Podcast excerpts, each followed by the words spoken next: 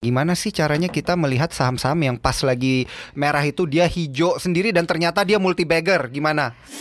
Pertanyaannya, kira-kira 2021 akhir, 2021 kuartal 3, kuartal 4 dan 2022 kuartal 1, kuartal 2 kira-kira apa yang manggung?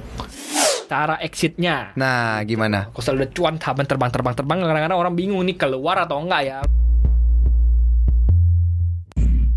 Paham Pantauan Saham Makin paham makin cuan. Halo sahabat cuan, kita ketemu lagi di segmen yang paling ditunggu-tunggu Pengennya ya, udah pastilah ini kalau saham tuh ditunggu-tunggu ya Pede aja ya bro ya Iya. Tentu aja bareng gue Daniel Wiguna dan juga Gue Triputra dari tim riset CNBC Indonesia. Tentunya kalau kita berdua udah ngomong kalian udah tahu segmennya paham Pantauan saham, semakin paham semakin Cuan. Oke, nanti gantian ya bro ya Lu yang bilang paham, gue bilang cuannya ya Jadi cuannya juga bagi-bagi Capek bro panjang-panjang. Iya, ini udah 100 episode lu mulu yang bilang cuan. jadi lu sendiri yang cuannya. Kita ya, lihat apa pahamnya lu dulu, Oh, cuannya iya, gue iya, iya. ambil gitu. Ah, jangan kayak gitu dong, gantian sekali-sekali ya. Oke, kita lihat eh, pergerakan IHSG dulu seperti biasa ya dipaham. Ini ternyata di pekan ini sayang sekali ya. Ini dimulai dengan eh, awal yang gimana ya bisa kita bilang ini buruk nggak sih ini bro? lah. Buruk 0,87 Hampir satu persen kan. hampir satu persen tapi ada saham yang terbang juga sih beberapa ya tapi nggak tinggi tinggi Ya. amat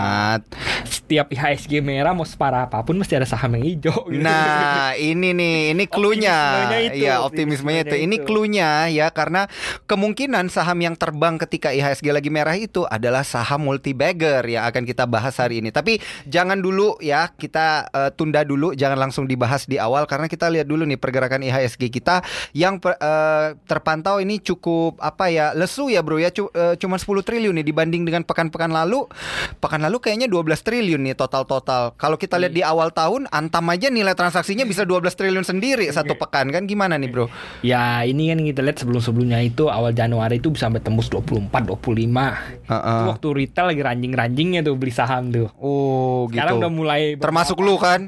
Lu kan? Enggak, oh enggak, lu kan? harian, Oh iya iya. Ini kita disclaimer dulu ya. Tim riset dulu. CNBC Indonesia ini karena segmen paham ini semakin terkenal gitu ya. Jadi kita harus disclaimer bahwa eh, tim riset CNBC Indonesia dan juga gue tidak bertransaksi, Iya. tapi kalau bertransaksi eh, bertransaksi pun tuh kan belibet Ya, gua kan. harus dideclare Harus dideclare, jadi supaya kan tidak- boleh trading gitu jadi lu harus simpan hold jangka paling lama enam bulan Mm-mm, supaya tidak ada konflik of interest. Iya. Oke, sobat cuan, kita kembali lagi nih. Pergerakan asing hari ini outflow lagi, Bro. 413 miliar nih di pasar reguler doang dan secara year to date udah terkuras ya eh, net foreign buy-nya. Kemarin itu sempat di 8 triliun di regular market, sekarang cuma sisa 6,97. Apa yang lu lihat, Bro? Ini makin bakal makin deras nggak nih di sepanjang pekan ini asingnya cabut?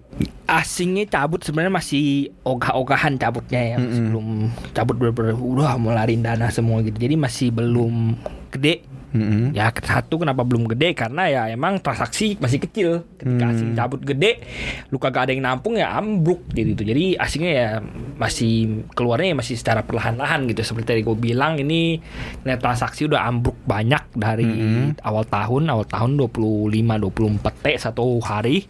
Sekarang tinggal 10 gitu. Mm-mm. Kemarin sempat ke 15 dulu, agak lama di 15 kan sekarang tinggal 10 ya memang menurut memperlihatkan bahwa minat minat para investor bertransaksi di bursa kita ya udah memang anjlok gitu. Mm-mm. Minatnya turun atau daya beli di bursanya ini turun atau orang lagi males aja gitu udah nyangkut berapa udah gue biarin dulu lah gitu Ya biasanya kalau saya transaksi turun nanti memang minatnya turun gitu. Minat, minat bertransaksi gitu antara Ha-ha. beli misalnya ini transaksi kan nantinya bisa beli bisa jual ya gitu. Oke. Jadi bukan nggak cuman orang malas beli itu orang juga malas jual gitu bisa jadi karena nyangkut gitu. Pokoknya malas Hmm. bertransaksi gitu.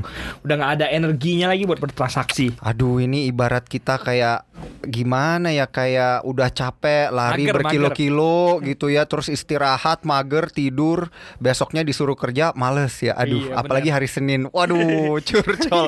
Tapi jangan eh, males dengerin kita ya teman-teman yang lagi mager juga sambil tidur scroll scroll refresh refresh eh, apa namanya aplikasi trading sahamnya tetap harus dengerin kita ya dipaham nah bro ini kita lihat nih pergerakan di eh, bursa-bursa global di dunia nggak cuman di Indo doang nih yang merah ada di Straits Times di Singapura, ada di Hang Seng, di Nikkei. Cuma Shanghai doang nih yang ijo satu persen loh, 1,14 persen.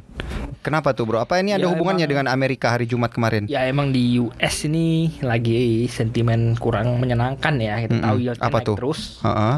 Udah 1,7 ya kemarin ya. Ya jangka panjang, obligasi jangka Ha-ha. panjang yang 10 year itu naik terus 1,7-an sekarang. Ha-ha. kan.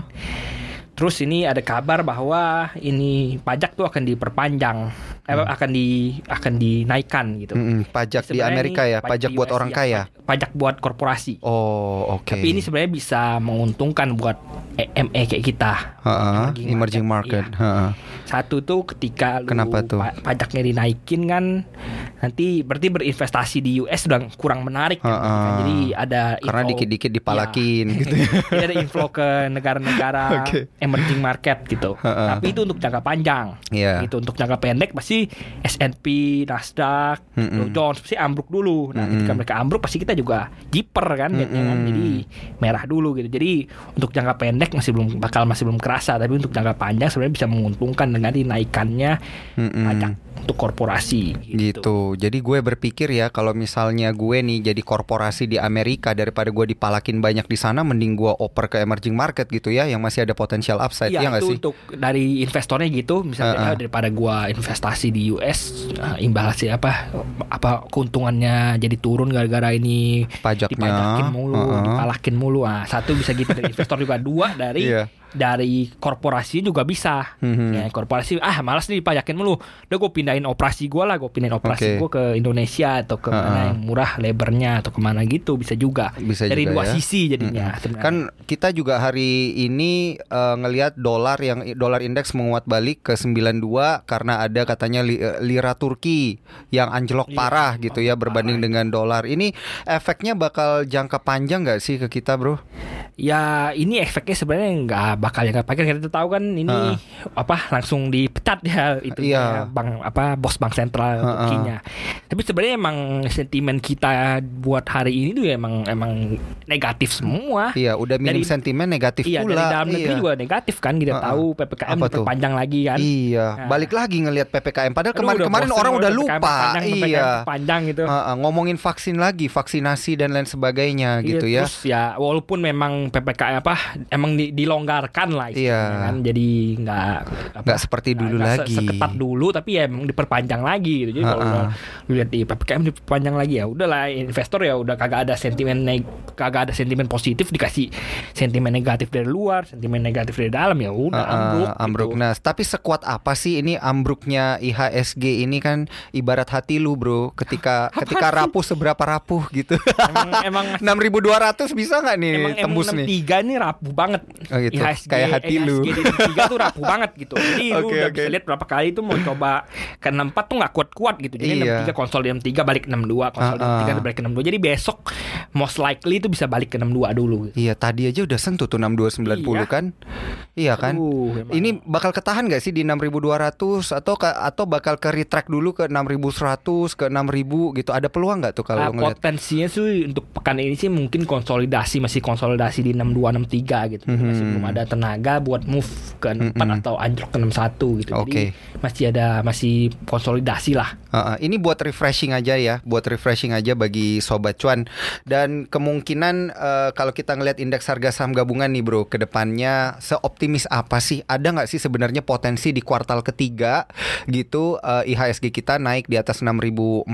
Karena kan kalau kita lihat momentum dari pemerintah katanya akan ada eh, belanja eh, belanja modal lagi. Habis itu ada menggelontorkan dana dari APBN, capex perusahaan bakal naik itu di kuartal 3. Itu gimana? Kalau dari tim riset CNBC Indonesia sendiri itu memprediksikan Mm-mm. akhir tahun ini bisa di close di atas 67. Nah, di atas Uh. 67 itu all time high kan berarti. kan? all time high banget Sepanjang sepanjang masa. Gitu. Jadi potensi untuk close all time high di kuartal 4 tuh terbuka banget karena kita tahu di kuartal 3 kuartal 4 tuh banyak banget nanti ya sentimen positifnya dari omnibus law dari nanti misalnya sukses Ha, ha, ha. apa vaksinasinya vaksinasi massal udah mulai sukses gitu. Heeh. Ya pemulihan ekonomi kita tahu di kuartal ketiga kuartal keempat kemungkinan besar most likely itu udah nggak bakal resesi lagi kita gitu. Jadi Oh. bakal banyak sentimen positif nantinya. Nanti Dan- kalau naik berita resesi sudah goodbye, Lepas dari resesi. uh, itu langsung. Dan apa tadi? Dan apa tadi? Nah, ya makanya lu motong-motong sih, gue lupa nih. apa? Ayo, ayo, ayo. Dan ya emang stimulus dari pemerintah juga nggak bakal berhenti tahun ini gitu. Oke. Di tahun ini di kuartal 3, kuartal 4 ketika memang udah terjadi pemulihan dan keluar dari resesi, stimulus belum akan berhenti most likely. Oke, berarti jumlahnya kan juga masih di kisaran 600-an triliun ya Iya. untuk yang tahun 2021 ini eh, stimulus dari pemerintah kan tahun lalu tuh sekitar 695 triliun tuh untuk eh, PEN ya, pemulihan Iya. ekonomi dan di tahun 2021 ini kurang lebih di 600-an triliun juga lah ya. Tapi nanti kita lihat bagaimana efeknya di akhir tahun. Yang jelas eh, tim riset CNBC Indonesia Triputra sudah mengatakan 6.700 ya most likely. Kalau optimis kan, optimis. optimis skenario optimis. Oke deh. Nah kalau kita eh, lihat nih ya pergerakan saham-saham hari ini bro, ada movers kita nih net foreign buy walaupun kita eh, hari ini adalah net sell, ada beberapa saham juga yang dibeli asing. Itu adalah Japfa, Tekim, eh, TOWR, Aces. Nah ini emiten-emiten kayaknya ber- berbasis ekspor semua nih ya kayaknya ya. Sebenarnya ini nggak nggak itu nggak gede 20 Heeh. 30 30 M 30. Iya. Sebenarnya yang di yang menarik hari ini ya saham-saham batu bara. Kita mau lihat saham-saham batu bara. Ah, itu dia. Coba, kita diintip lihat. dulu. Tapi tadi pagi batu bara nih contohnya nih ya Adaro tadi pagi terbang dar tiba-tiba penutupan dar minus 1,15 persen. Ya, itu kan Gimana seperti anomali aja kita tahu Ha-ha. saham-saham batu bara hari ini hijau semua ya yang yang merah kan cuman Ada Adro doang. Kasihan deh lu gitu. Lokin dulu. Salah ngelihat ya, Iya. salah ngelihat. Aduh, mohon maaf nih ya sobat cuan karena memang kalau kita ngelihat pergerakan emiten batu bara hari ini menarik banget ya. Kurang lebih sama di sesi satu itu diterbangin gitu ya kayak PTBA sempat nyaris ke 2008 eh, 2900, hampir ke 2900. Dia ke 2870 titik tertinggi sebelum akhirnya tertarik ke bawah lagi ditutup di 2770. Nah, ini kok gerakannya seperti itu ya, Bro. Naik di sesi satu, di sesi kedua duar diturunin. Ya sebenarnya ini kalau selalu kayak gini namanya anomali kan kita tahu Mm-mm. saudara-saudaranya hijau semua dan Mm-mm. emang hijau kan gara-gara sentimen positifnya dari batu baranya sendiri gitu Mm-mm, batu bara baranya- acuannya. batu bara bukan batu bara acuan batu bara Newcastle Mm-mm. nah batu bara Newcastle ini baru tembus level tertinggi lagi untuk tahun ini gitu Oke. jadi Tapi tembus level tertinggi juga belum bisa menaikkan harga sahamnya jadi tinggi banget ya, gitu ya. ya ini yang lain-lain udah terbang sampai Indi Oh, terbangnya 10% PTBA, gitu PTBA juga naiknya 0,36 persen. Nah, Ya kenapa ini, nih? PTB Apa nih alasannya ya ini nih? yang penting selalu yang selalu gue ulang-ulang kalau lu misalnya ngomong harga batu bara Newcastle itu yang pasti paling diuntungkan tuh pasti Indi, Doit dan kawan-kawannya. PTBA Oh. pasti kurang diuntungkan. Kenapa? Karena PTBA kan kliennya kita tahu PLN. Kalau lu jual ke. PLN pakai HBA harga batu bara acuan, Acuan, yang iya. memang Ha-ha. sebulan sekali berubahnya gitu. Mm-mm. Jadi nggak nggak sesensitif Newcastle yang tiap hari berubah-berubah harganya gitu. Jadi ketika Mm-mm. Newcastle terbang yang yang melesat gila-gilaan ya pasti Indi gitu. Mm-mm, karena dia mengikuti eh, Newcastle itu ya. Iya, in- Indi, Doit dan apa Doit, apa lagi ya. satu yang tadi lu bilang? Ya biasanya kalau yang kayak gini kayak gini tuh saham-saham yang market makernya ugal-ugalan. Oh. Ya itu Indi, Doit, Petro gitu-gitu. Petro. Petro tuh eh, kode emitennya apa tuh? PTRO. PTRO Ah, ya, Petrosi. Iya. Oke. Wow, ya semuanya memang terbang ya. Yang paling tinggi ternyata Indi double digit penguatannya kurang lebih di 10 persenan Iya hari dan ini. emang Newcastle nih udah di 93,8 bentar lagi udah mau kecepek, udah mau ke 100 gitu. Hmm, Dan oke, emang oke, udah digadang-gadang bakal ke 100 nih bentar lagi ke 100 oke. gitu. Mm-mm, Kayak kita pernah bahas juga ya Iya, kemarin itu kan bilang. di yang eh, super cycle commodity ya. Iya, komoditi Uh-uh. super cycle. Karena memang eh, demand ya secara mendadak ketika recovery ekon- ekonomi terjadi, demandnya tiba-tiba naik, di- Demandnya dibilang- tapi tidak disertai dengan Iya, supply yang memadai. Masih, masih terhambat ya karena kita tahu udah corona ya orang susah produksi batu bara jadi supply Uh-uh. terhambat tapi demandnya naik terus. Hmm. Gitu. Oh, gue mau ekspansi nih udah ada pertumbuhan ekonomi ya. Jadi Nah, kayak gitu. akhirnya ketika demand lebih besar daripada supply harga naik. Oke, ya mekanisme pasar berlaku. Nah, apakah sepanjang minggu ini kita harus memperhatikan eh, dan memantau emiten-emiten batu bara nih, Bro? Sepanjang minggu ini aja. Ya sebenarnya ini ketika harga batu bara Newcastle naik tiba-tiba tembus all time high itu dalam waktu dekat apa dalam periode singkat tuh potensi koreksi gede Hmm. gitu. Jadi harus perhatiin lagi harga batu bara Newcastle Castle apakah memang dia bisa nembus cepet nembus 100 atau balik ke 80 lagi kita tahu kemarin sempat lama di 80 setelah 90 tiba-tiba balik ke 80 lalu 70 gitu jadi Mm-mm. memang masih sepertinya masih belum waktunya ke 100 gitu untuk di kuartal satu ini tapi kita bisa lihat lagi ke depan apa ke untuk satu pekan ini ke depan gimana apakah memang bisa tembus 100 atau malah emang rawan koleksi lagi rawan koleksi gitu. Oke, berarti eh, buat sobat cuan yang mau masuk nih udah telat nih kalau terbangnya udah kayak gini nih, telat. ya kalau memang masuk ya yang belum naik PTBA gitu Dengan Oh. harapan nanti HBA-nya akan HBA-nya mengikuti. iya, mengikuti gitu Baik, dengan harapan ya. Ini kata Putra pakai tanda kutip dengan harapan. spekulatif buy. Iya, spekulatif buy sobat cuan artinya. Oke, selain batu bara nih, bro, ada nggak nih yang ber- eh, menarik untuk diperhatikan oleh sobat cuan di sepanjang pekan ini nih buat memantau sahamnya? Ya sebenarnya yang, yang menarik dipantau itu ya memang masih batu bara untuk pekan ini kan kita tahu Mhm. yang komunitasnya naik gila-gilaan ya batu bara gitu yang lain-lain kayak Mhm. banking itu ya masih kurang Mhm. menarik ya kita tahu. Kalau emiten pertambangan trio macan gimana? Antam, Tins, ya, Inco, ya sebenarnya tri- trio macan gimana? ya sebenarnya masih Lu kok ngakak sih bilang trio macan? Lu fansnya ya, lu fansnya ya? garang-garang itu lu gak garang-garang dulu kan Oke, lu oke. sembarangan lu Apa-apa? Jadi gimana bro? ya sebenarnya masih memang masih kurang menarik karena kita tahu apa komunitas nikelnya ya masih nggak ke mana-mana dalam Harganya masih segitu-segitu juga ya? Iya dalam beberapa pekan ini ke belakang dan kira-kira ke depannya ya masih, apa masih kurang menarik lah gitu. Mm-mm. Komunitas nikel masih di sekitar 16-an ribu gitu. Hmm. Bahkan kemarin-kemarin sempat anjlok ke 15 ribu kan sebelum oh, sebelum akhirnya pulih ke 16 ribu lagi. Mm-mm. Nah ini digadang-gadang bakal tembus 20 ribu tapi masih jauh 16 ribu ke 20 ribu. Iya. Dua puluh ribu, dua puluh ribunya kapan juga? Tahu nggak bro kapan dua puluh ribunya? Bisa nggak? Bisa kuartal. Oke, hopefully ya, hopefully ini dengan harapan ya alias spekulatif Iya. buy berarti ya itu di kuartal ketiga, kuartal keempat ya bisa saja itu terjadi. Cuman kalau kita melihat mekanisme pasar memang nggak ada yang tahu ya bro ya Eh, sentimen apa yang kemudian tiba-tiba bisa merubah harga atau meningkatkan demand, menurunkan demand, eh, meningkatkan supply atau enggak. Nah, Iya. Oke, kita langsung aja nih ke gimana caranya melihat kan tadi di awal gue bilang nih gimana sih caranya kita melihat saham-saham yang pas lagi merah itu dia hijau sendiri dan ternyata dia multi bagger gimana? Nah ini yang kemarin itu kan gua review sebentar ya. Ha-ha. Kemarin itu ketika awal tahun 2021 kan banyak yang nanya saham apa nih yang bakal manggung 2021 bakal beggar apa. Iya, gue Dan- juga nanya tuh Dan di situ udah gue bocorin gitu. apa tuh? Udah gue bocorin kalau saham-saham Bank Mini ini ada sentimen. Sentimen Ah, konsolidasi. lu bocornya bocor halus bro, nggak kedengeran sampai ke gue gimana? Iya lu yo, itu sama lu ya? Oh enggak, Bukan, sama bukan nama ya, gue, Cialin iya. waktu itu. Lu nggak dengerin paham bocor sih. halus nih, Iya. bocor halus. Bocornya yang gede-gede dong. Waktu gimana itu tuh gimana? gue udah udah kasih bocoran emang ini bang bang mini bakal terbang gitu Heeh. dan gue udah kasih itunya apa clue-cluenya Heeh. kasih teka-teki ini saham apa yang lu bagus buat koreksi bang mini Mhm. itu apa punya modal inti di bawah 2T Mhm. lalu PBV-nya satu dan Mm-mm. ada sobat cuan yang ternyata berhasil nebak dengan Nebak. Dan tepat ternyata apa beneran itu, dan terbang. ternyata beneran terbang itu. Di si sobat cuan sampai cuan sampai 400% gitu. Waduh. Dan sahamnya memang ada yang terbang dari sampai 300 sampai 3000 lebih gitu. Jadi Oh, iya, ten iya, bagger iya, udah iya. ini Ah, saham gitu. Nah, ini sobat cuan kita bisa tahu ya untungnya untungnya si doi ini 400% karena ternyata dia memberikan testimoni ya via Iya, dia- DM dia sampai via DM di DM cuap gitu. cuan. Di DM Gitu. terima kasih gitu ya. Heeh. Jadi gue bisa tahu eh, emang eh, ternyata ada yang berhasil menebak gitu. Iya, sampai gua 400%. Gitu.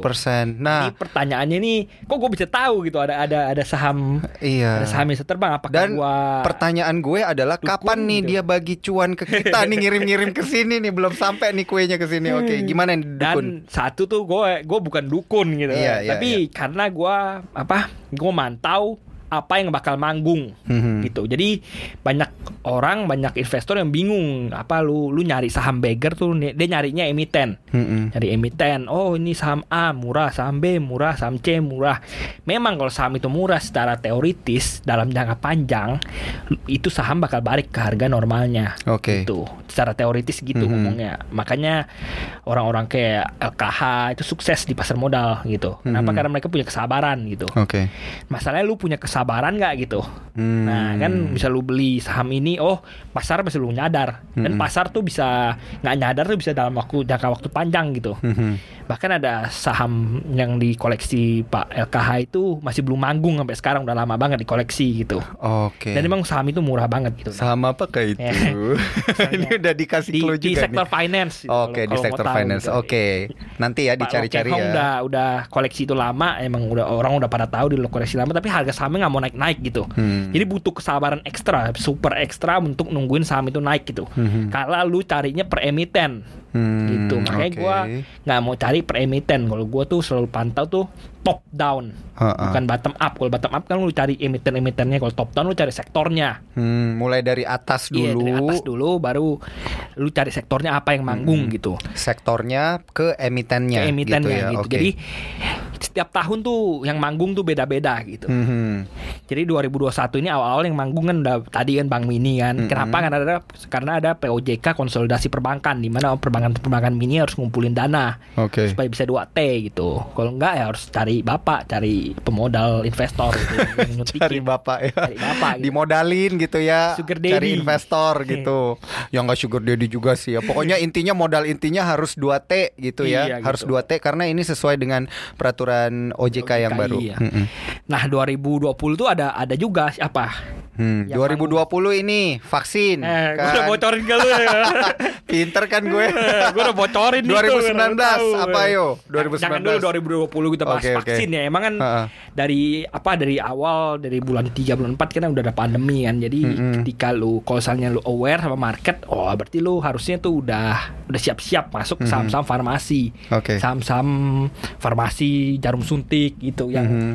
yang memang kemungkinan besar akan digoreng gitu. Hmm. Dan emang kita tahu saham-saham farmasi ini kan terkenal ada market maker yang gerakin kan. Hmm. Jadi kalau misalnya lu emang hunting saham beggar waktu itu tuh ketika saham-saham bulan 3 bulan 4 itu kan saham-saham farmasi ikut terkoreksi juga ya gue masih ingat banget gitu. Mhm. Kalau misalnya lu aware, lu hunting emang saham bawah beggar itu menarik banget waktu itu.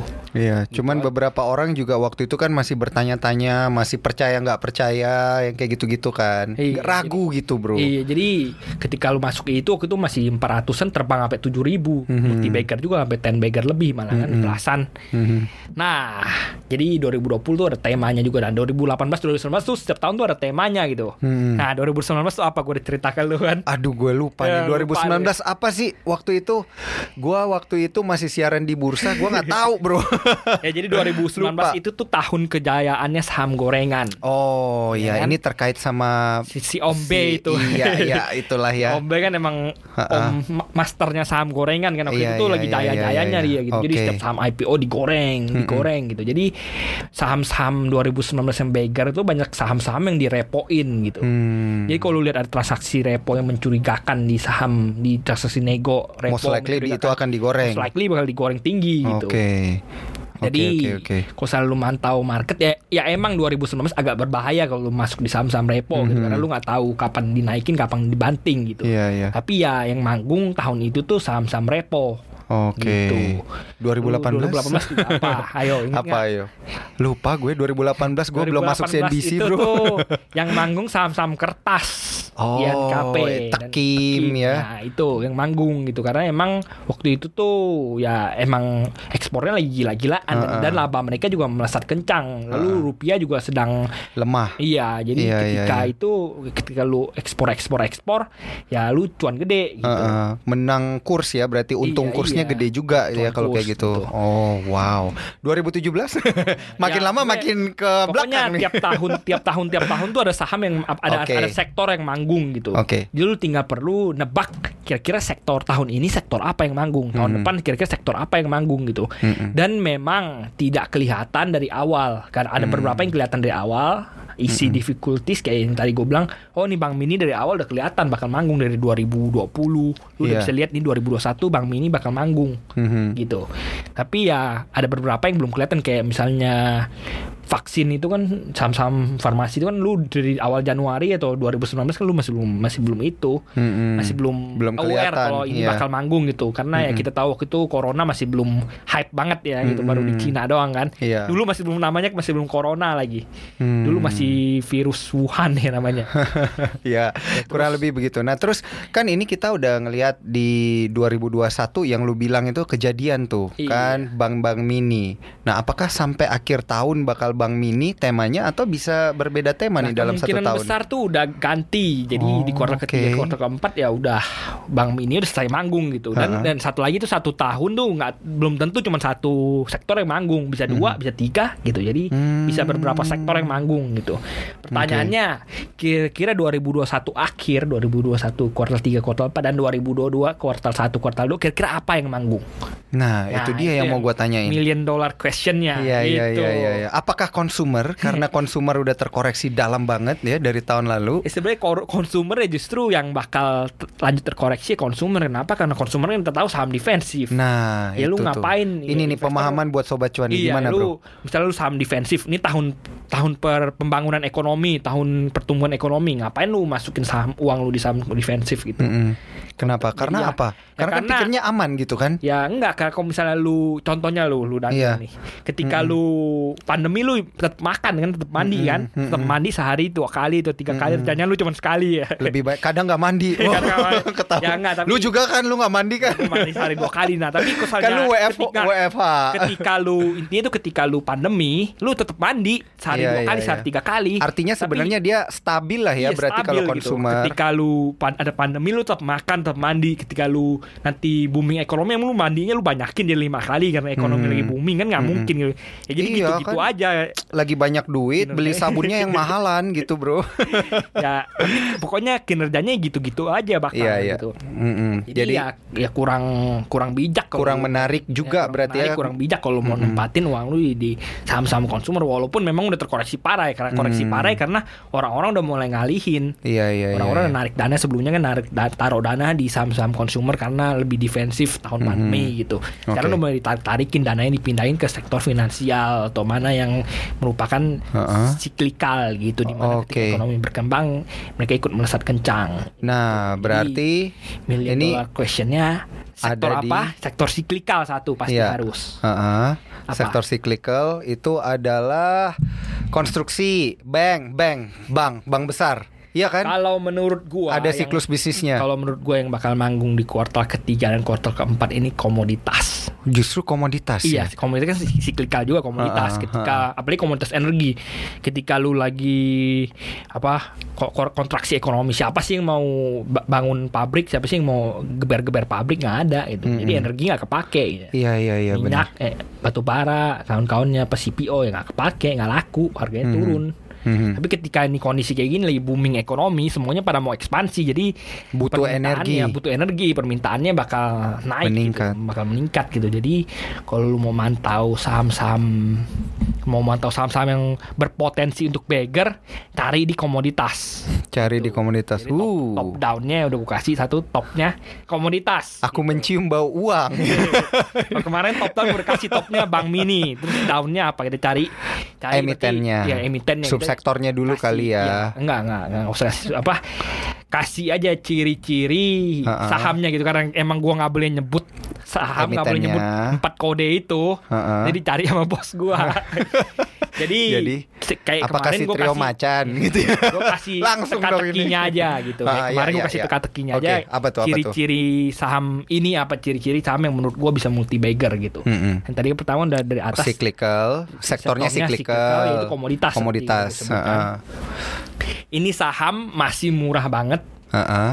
PBV-nya masih di bawah satu dan cash rich, super cash rich. Oh, kalau Cashnya dilihat cash banyak. ratio-nya banyak Iya, gitu ya. punya banyak cash CR-nya gitu. banyak, heeh. Iya, jadi lu ketika misalnya contohnya lu saham harganya 500. Mhm. Tapi dia megang cash 400 gitu. Mm-mm. Cashnya doang 400. Iya, Berarti pasti perusahaan itu dihargai 100 doang gitu. iya. Jadi memang masih sangat menguntungkan banget ya masih masih sangat apa valuasi Dan harganya murah banget, nggak nggak sampai murah ribuan. Ha, iya, gue nggak bilang harganya mas. Oke. Pancing Gua mau mancing sih. Ya, na- Intinya namanya juga usaha. Perusahaannya cash rich. Cash rich ya, Iya. cash ratio-nya. Gua gua gua lihat-lihat nih produser udah mulai nyatet-nyatet nih, Bro. Nih kayaknya. Entar lagi dia bakal beli nih kayaknya. Terus terus gimana, Bro? Ya intinya ini perusahaan masih murah banget gitu. Ha-ha. Jadi karena satu karena dia punya aset terus selain dari ada selain apa diuntungkan oleh konsumer dia juga baru ada sentimen lain Oke. gitu. Jadi dia baru menang tender lah istilahnya gitu. Uh. Baru menang tender. Cari bisa- beritanya di CNBC di Indonesia ya. Ada diberitain gitu. Jadi apa Ha-ha. sih perusahaan komunitas yang menang tender gitu ada Iya. Oke. gitu. Wah, ini gampang banget nih berarti clue-nya ya. Satu emiten doang. ya, Mas, ya. Nanti kita jangan cari disebut, bersama. Iya, iya, iya. Ini boleh ya buat kalau ada sobat cuan yang mendengarkan nanti bolehlah dilirik-lirik emitennya. Kemudian bolehlah beritanya dicari di CNBC Indonesia. Apa cuma satu doang nih emitennya, Bro? Atau ada beberapa? Ya kalau dari gua itu misalnya gua mau nya, kosalnya gua pakai pola top down gini, gua bakal taruh 80% uang gua yang bakal gua Mm-mm. huntingin saham Bagger, 80% bakal gua taruh di satu emiten. Tapi belinya sedikit-sedikit, nggak langsung langsung kan, gede ya. ajarin lagi cara Ah. cara masuknya, cara keluarnya juga gitu. Mm-mm. Satu pasti gua jadi gua jelasin dulu, gua bakal milih tiga saham di Mm-mm. sektor itu. Oke. Gitu. Yang gue satu bakal gue masukin gede banget 80% Aha. Da- dari bukan dari total portofolio gue ya dari total yang mau gue huntingin saham Bagger. gitu. Oke. Iya, iya, iya, iya. Jadi 80% gue bakal taruh di satu saham ini. Lalu 10% gue bakal taruh di saham lain satu Mhm. dan 10% ini taruh di saham lain satu gitu. Jadi 80 10 10 Oke. gitu. Tapi mayoritas gue bakal taruh di Yang paling beggar yang, gitu yang ya. paling potensi beggar menurut Heeh, gua gitu. heeh. Tapi gua nggak bakal sodok semua ke situ. Gua Heeh. bakal ada itu lain apa namanya plan lain misalnya ternyata bukan dia yang manggung tapi sektornya manggung. Heeh. Temennya ini yang manggung, gue tetap untung gitu. Mm-mm. Gitu- Jadi gitu. Mm-mm. Jadi apa apa namanya Mm-mm. presentasi gue masuk begitu. Nah sekarang ya seperti tadi Daniel bilang, bilang masuknya gimana? Mm-mm. Kalau gua masuknya pasti nyicil gitu, masuk Pelan-pelan, sedikit, pelan-pelan iya. masuk, masuk, masuk gitu. Jadi kayak dollar cost averaging bisa dikatakan Mhm. gitu. Jadi gua tungguin, gua antri harga murah, oh Iya, dan nanti gua antri lagi, gua antri lagi. Jadi t- hampir tiap hari sampai hari hanya gua bakal antri, antri, antri apa beli, beli, beli, beli terus sampai nyampe ke 80% gua gitu. Setelah itu gua Hmm. bakal diamin gitu. Mm-mm. Nah, kalau nggak kalau manggung kan ya pasti cuan kan. Kalau nggak manggung, satu dulu kita worst case skenario dulu. Biar Iya nggak gimana kalau nggak manggung? manggung tuh gue selalu siap gue siapinnya itu cut lossnya tuh bukan angka persenan tapi cut loss gue tuh time horizon Mm-mm. gitu jadi misalnya kalau misalnya ini kan gue bilang kan dalam satu setengah tahun ini kan sampai 2022 akhir kan nah kalau sampai 2022 akhir ini nggak kalau sahamnya nggak manggung ya gue jual gitu Hmm. mau perkara dia lagi naik atau dia lagi turun mau hijau atau merah gue jual Gitu. Hmm. jadi bisa take profit bisa cut loss yang penting ketika ini ternyata udah dua tahun lewat sahamnya nggak manggung ya jual gitu Mm-mm. ya Lama juga ya bro 2 tahun ya. Satu setengah, satu setengah lah kurang lebih Iya, kan kan gue bilang kan ha. komoditi super cycle kan biasanya emang satu satu setengah tahun lu mau bilang ini lama lu kira oke kamu nyangkut di bumi berapa lama lu Waduh, Eh. berapa lama tuh? Boleh nih di disclose sedikit nih. ya lama kalau nggak salah berapa tiga, tiga atau empat tahun ya lupa. Oh. berapa lama pokoknya agak Sekelas super Lokeng lama Hong lah pun Iya, sekelas pernah Lokeng Hong nyangkut juga di bumi nyangkut gitu ya. kan lama Ha-ha. banget gue agak lupa berapa tahun coba sobat cuan cek itu bumi Ha-ha. digocap tuh berapa lama tuh Udah ada juga nih di CNBC Indonesia beritanya iya ya. ada juga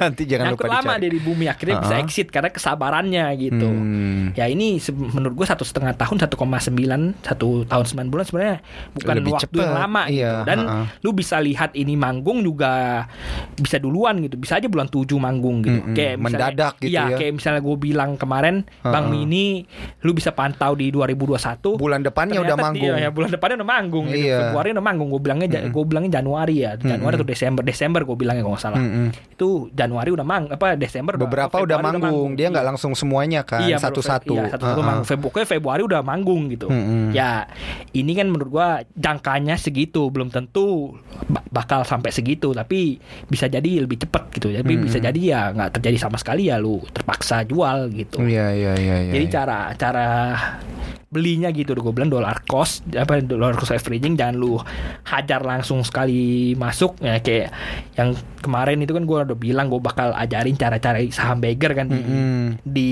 Instagramnya Chop Chop itu ada yang balas komen gue tuh Mm-mm. iya kok ayo kok buruan kok saya mau hajar HK pakai margin dan limit itu salah jangan, begitu Jangan terlalu HK. Iya, ya, apalagi lu pakai margin, lu nyangkut. Pakai limit, Mm-mm. ya kali lu kan gue bilang ini jangkanya panjang kan satu Mm-mm. satu setengah tahun kan, jadi kalau selalu pakai margin, lu mampu nggak nutupin bunga marginnya, mahal coy bunga margin. Iya, benar-benar. Kalau pa- apalagi kalau pakai limit dua hari kagak manggung dijual nanti di for sale sama dia. Belum apa-apa udah Iya, rugi udah ya. rugi nanti lu. Heeh. Jadi ya harus satu sabar. Heeh. Dua ya nggak boleh lu HK all in margin, nggak boleh greedy, masuk pelan-pelan. Hmm. Masuk pelan-pelan pelan-pelan pelan-pelan pelan-pelan gitu. Dan harus ngantri ya di harga bawah ya.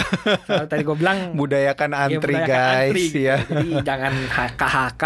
Gue gue juga orangnya emang kalau misalnya gue mau beli saham biasanya gue antri gitu. Mhm. Gue cari kira-kira supportnya bagus di mana. Gue pasang dua tiga tik di atas support, antri beli gitu. Antri Hmm. beli, antri beli. Nggak nggak suka HK-HK gue. Oke oke oke. Budayakan antri, orangnya Oke. sabar. gitu. Oke, jadi eh, kalau nggak dapat dapat ngantri-ngantri nggak dapat dapat gimana nih Ya, bro? ada hari esok. Oh gitu. Besok nggak dapat lagi, ya esok Ya, lagi gitu. ya. antrian lu juga bisa gitu. Pokoknya harus sabar ya. Pokoknya sabar harus itu sabar penting. antri, iya. Uh-uh, sabar itu penting. Seperti yang Om Warren Buffett bilang ya. Ini udah pernah kita bahas juga di kelas cuan kita gitu ya. Eh, di mana pasar saham itu adalah memindahkan dari orang yang aktif ke orang yang sabar ya. Iya. Duitnya dari yang paling aktif ke orang yang sabar. Sabar. Artinya sabar itu emas guys. Jadi ya cara cari multi baggernya udah jelas dijelasin sama Triputra. Ada nggak nih tips dan trik lainnya nih supaya Sekarang- lebih akurat? Cara exitnya. Nah gimana? Kalau udah cuan tahapan terbang terbang terbang kadang-kadang orang bingung nih keluar atau enggak ya udah cuan nih udah beggar Keluar berapa persen nih? persen udah 200 persen keluar Uh-uh. keluar nggak ya gitu bingung kan Iya. kalau naik lagi gimana gitu Uh-uh. kalau dari gua sendiri gua selalu pantau support resistance sebenarnya sangat penting juga Mm-mm. ini ketika lu rejection misalnya udah udah naik udah naik naik naik udah nggak kuat naik lagi udah mulai menunjukkan tanda-tanda penurunan yang bakal gua lakukan itu gue jual modalnya Mhm. gitu misalnya katakanlah beggar tiga 200 persen gitu kan artinya modal gua sepertiganya kan berarti kan Iya. misalnya misalnya 10 juta udah jadi 30 juta Mhm. 10 juta jadi 30 juta kan berarti du- 200 persen ya bener gak sih Oke. berarti gue jual aja 10 juta Hmm. gitu jadi ketika- Jual jual kepemilikan saham kita senilai 10 juta Iya, gitu jual ya. modalnya, modalnya jual modalnya Ha-ha. ketika sahamnya udah terbang lalu udah kelihatan nggak mampu naik, gitu Mm-mm. mau koreksi koreksi halus, koreksi teknikal, Mm-mm. jual modalnya. Oke. Gitu. Kalau kalau dari gua kayak gitu teknik gua. Mm-mm. Jadi ketika lu udah jual modal, lu nggak usah pusingin lagi harga saham lu mau ke mana karena itu udah gratis kan. Iya. Saham gratis. Kan gitu. udah cuan juga ya Iya, udah cuan, banyak. udah udah itu sahamnya tinggal cuan lu gitu jadinya. Mm-mm. Jadi dia mau ke mana aja lu nggak usah pusingin gitu. Jadi udah ketika lu dijual ya udah itu target pertama lu ya target yang realistis. gitu. Mm-mm. Keduanya target agresif. Mm-mm. Gitu nah, ketika target agresif tuh gue cari ketika emang sahamnya itu tuh misalnya udah naik tinggi, Mhm. kena ARB ARB ARB atau misalnya ada sentimen negatif lanjutan misalnya contoh kalau komoditas harga komoditasnya anjlok atau apa itu baru gua akhirnya take profit for for good gitu. Oke. Gitu. jadinya lu ambil dua kali satu yang konservatif Mhm. satu yang agresif gitu. Hmm. yang pertama ketika take profit konservatif lu ambil modal lu Hmm. jadi lu nggak usah pusingin Harga sahamnya mau ke mana. Aku selalu dia Iya. anjlok anjlok terus ya udah ya udah lu udah cuan apa pun yang terjadi lu mau jual di mana juga lu udah cuan gitu. Nggak usah Mm-mm. pusing. Tapi kalau dia terbang-terbang terus juga lu udah tetap untung gitu. Jadi Hmm. win-win. Ini metode yang dipakai sama LKH juga nggak sih kayak gini? Nggak tahu nggak kayaknya kalau LKH biasanya kalau LKH mau jualan susah loh. Oh, Barangnya banyak Iya ya barangnya soalnya banyak ya. lu bayangin 5%, 7%, 10% dari Iya, gimana jualnya Gimana ya? jualnya pelan-pelan pasti dijualnya gitu. Iya iya iya iya benar benar benar benar. Nah ini menarik. Exitnya seperti itu ya. Jadi kalau mau keluar langsung, kalau jumlah kepemilikannya nggak banyak bisa langsung keluar, Iya, bisa langsung exit. kita- eh, itu salah satu Warren Buffett tuh pernah bilang kalau misalnya modal gue cuman di bawah 100 100 USD million 100 Mm-mm, 100 juta million dolar. USD, 100 juta dolar atau 1 juta dolar atau 10 juta dolar gue lupa tapi dia bilang dia bakal punya imbal hasil per tahun bisa sampai 10 kali lipat Waduh. gitu. Kenapa? Karena uangnya kecil, uangnya kecil lu nimbel, nimbel tuh loncat-loncat loncat-loncat tuh gampang gitu. Eh, Jadi, tapi ya- kalau duitnya gede Ya, susah duitnya ya. gede, susah mau keluar masuk keluar masuk dilihatin pasar gitu Hmm, kan. hmm, hmm. Lu emang mampu keluar uang gede di market, market bisa nampung nggak bisa gitu. Hmm, hmm. Jadi Ketika kita ya. mau jual gak ada yang beli Ya, takutnya. ini keuntungan kita yang punya yang masih retail retail kroco ini Hmm. ya itu lu bisa loncat loncat loncat loncat loncat ke mana-mana gitu Hmm. dan, dan big fun tuh iri sama lu sebenarnya ketika lu nimbel big Hmm. fun big fun itu iri gitu mereka nggak bisa kayak gitu soalnya Dananya terlalu gede. Dananya iya. terlalu gede gitu. Iya iya iya iya iya. menarik ya. Nah eh, kemudian nih satu lagi mungkin nggak sih kalau saham yang udah multi bagger dia balik lagi ke harga awalnya. sangat mungkin sekali dan banyak Nah, kejadian itu. kayak gitu Gimana caranya ngelihat yang kayak gitu tuh? Ya makanya kalau misalnya gue bilang ketika dia udah nggak kuat terbang, udah Mhm. udah balik balik arah ke satu karena mungkin apa misalnya dari komoditasnya ada sentimen negatif atau memang secara teknikal udah masuk ke pola udah masuk downtrend lagi gitu Mhm. ya itu saatnya lu exit exit for good gitu Hmm. Tapi ketika dia udah balik lagi lu mau mikir oh nanti gue masuk lagi nanti bagiannya ya udah cari yang lain sebenarnya nggak usah terlalu Hmm. cinta sama satu emiten Iya iya iya Gitu, lu iya. udah iya, udah iya. udah mikirin next next lu tahun 2021 nextnya kayak gimana 2022 nextnya gimana gitu Mm-mm. ya udah emang selanjutnya lu udah mikirin sektor selanjutnya yang bakal manggung apa gitu yang lama udah ganti gitu Oke, jadi jangan terlalu haka dan jangan terlalu cinta. Iya, Iya. jangan terlalu benci, jangan terlalu cinta dong Oke oke Bahaya ya soalnya Tapi begitulah tadi ya Sobat Cuan Cara mencari eh, saham-saham multi bagger Ternyata nggak susah-susah amat ya. Kalau kita eh, dengerin obrolan di paham ini Bareng Putra ya ini walaupun nggak susah-susah amat yang di yang kosalnya lu aku akurasi lu yang susah gitu jadi lu Ah, ah. nentuin sektor apa yang mau dibeli itu yang bikin bingung Nah, kadang-kadang. itu yang Kadang-kadang barusan gua mau kadang-kadang bilang. kan nggak ada misalnya di 2022 juga lu bisa bingung kayak 2011 Iya. lu sebenarnya bingung mau ada apa mau beli apa gitu Dan kadang-kadang gimana ngelihatnya kadang-kadang memang jelas apa yang harus dibeli apa sektornya kadang-kadang emang nggak jelas gitu lu harus Hmm.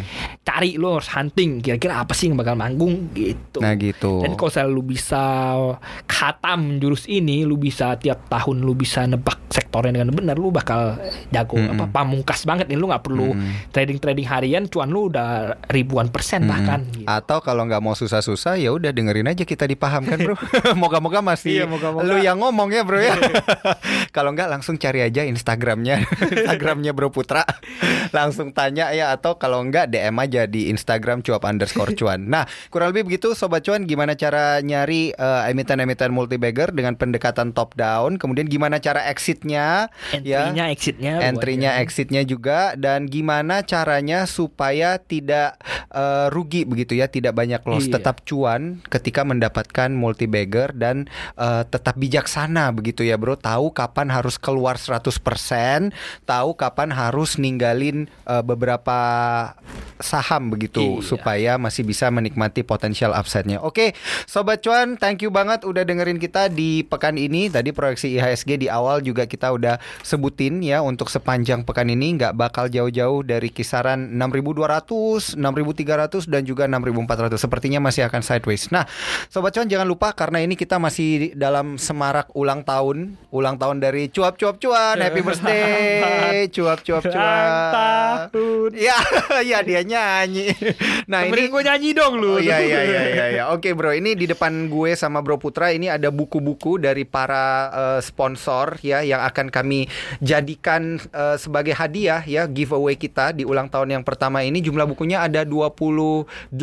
Nah, untuk 28 pemenang sebelum disebutkan namanya siapa saya ucapkan selamat ya karena ini dari narsum-narsum kita nih yang selama ini udah pernah kita panggil di podcast cuap-cuap cuan selama ini. Oh dan jangan lupa lihat ya, udah kita storyin ternyata pemenangnya langsung dicek aja di story ya, di story cuap underscore cuan.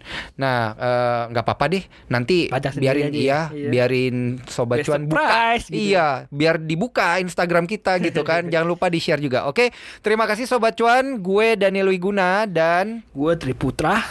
Kita pamit undur diri dari segmen paham. Jangan lupa dengerin segmen paham setiap hari Senin di podcast cuap cuap cuan, Apple Podcast dan juga Google Podcast. Jangan lupa follow kita di Instagram di cuap underscore cuan. Ya, paham. Semakin paham, semakin. Cuan. See you, bye. Bye.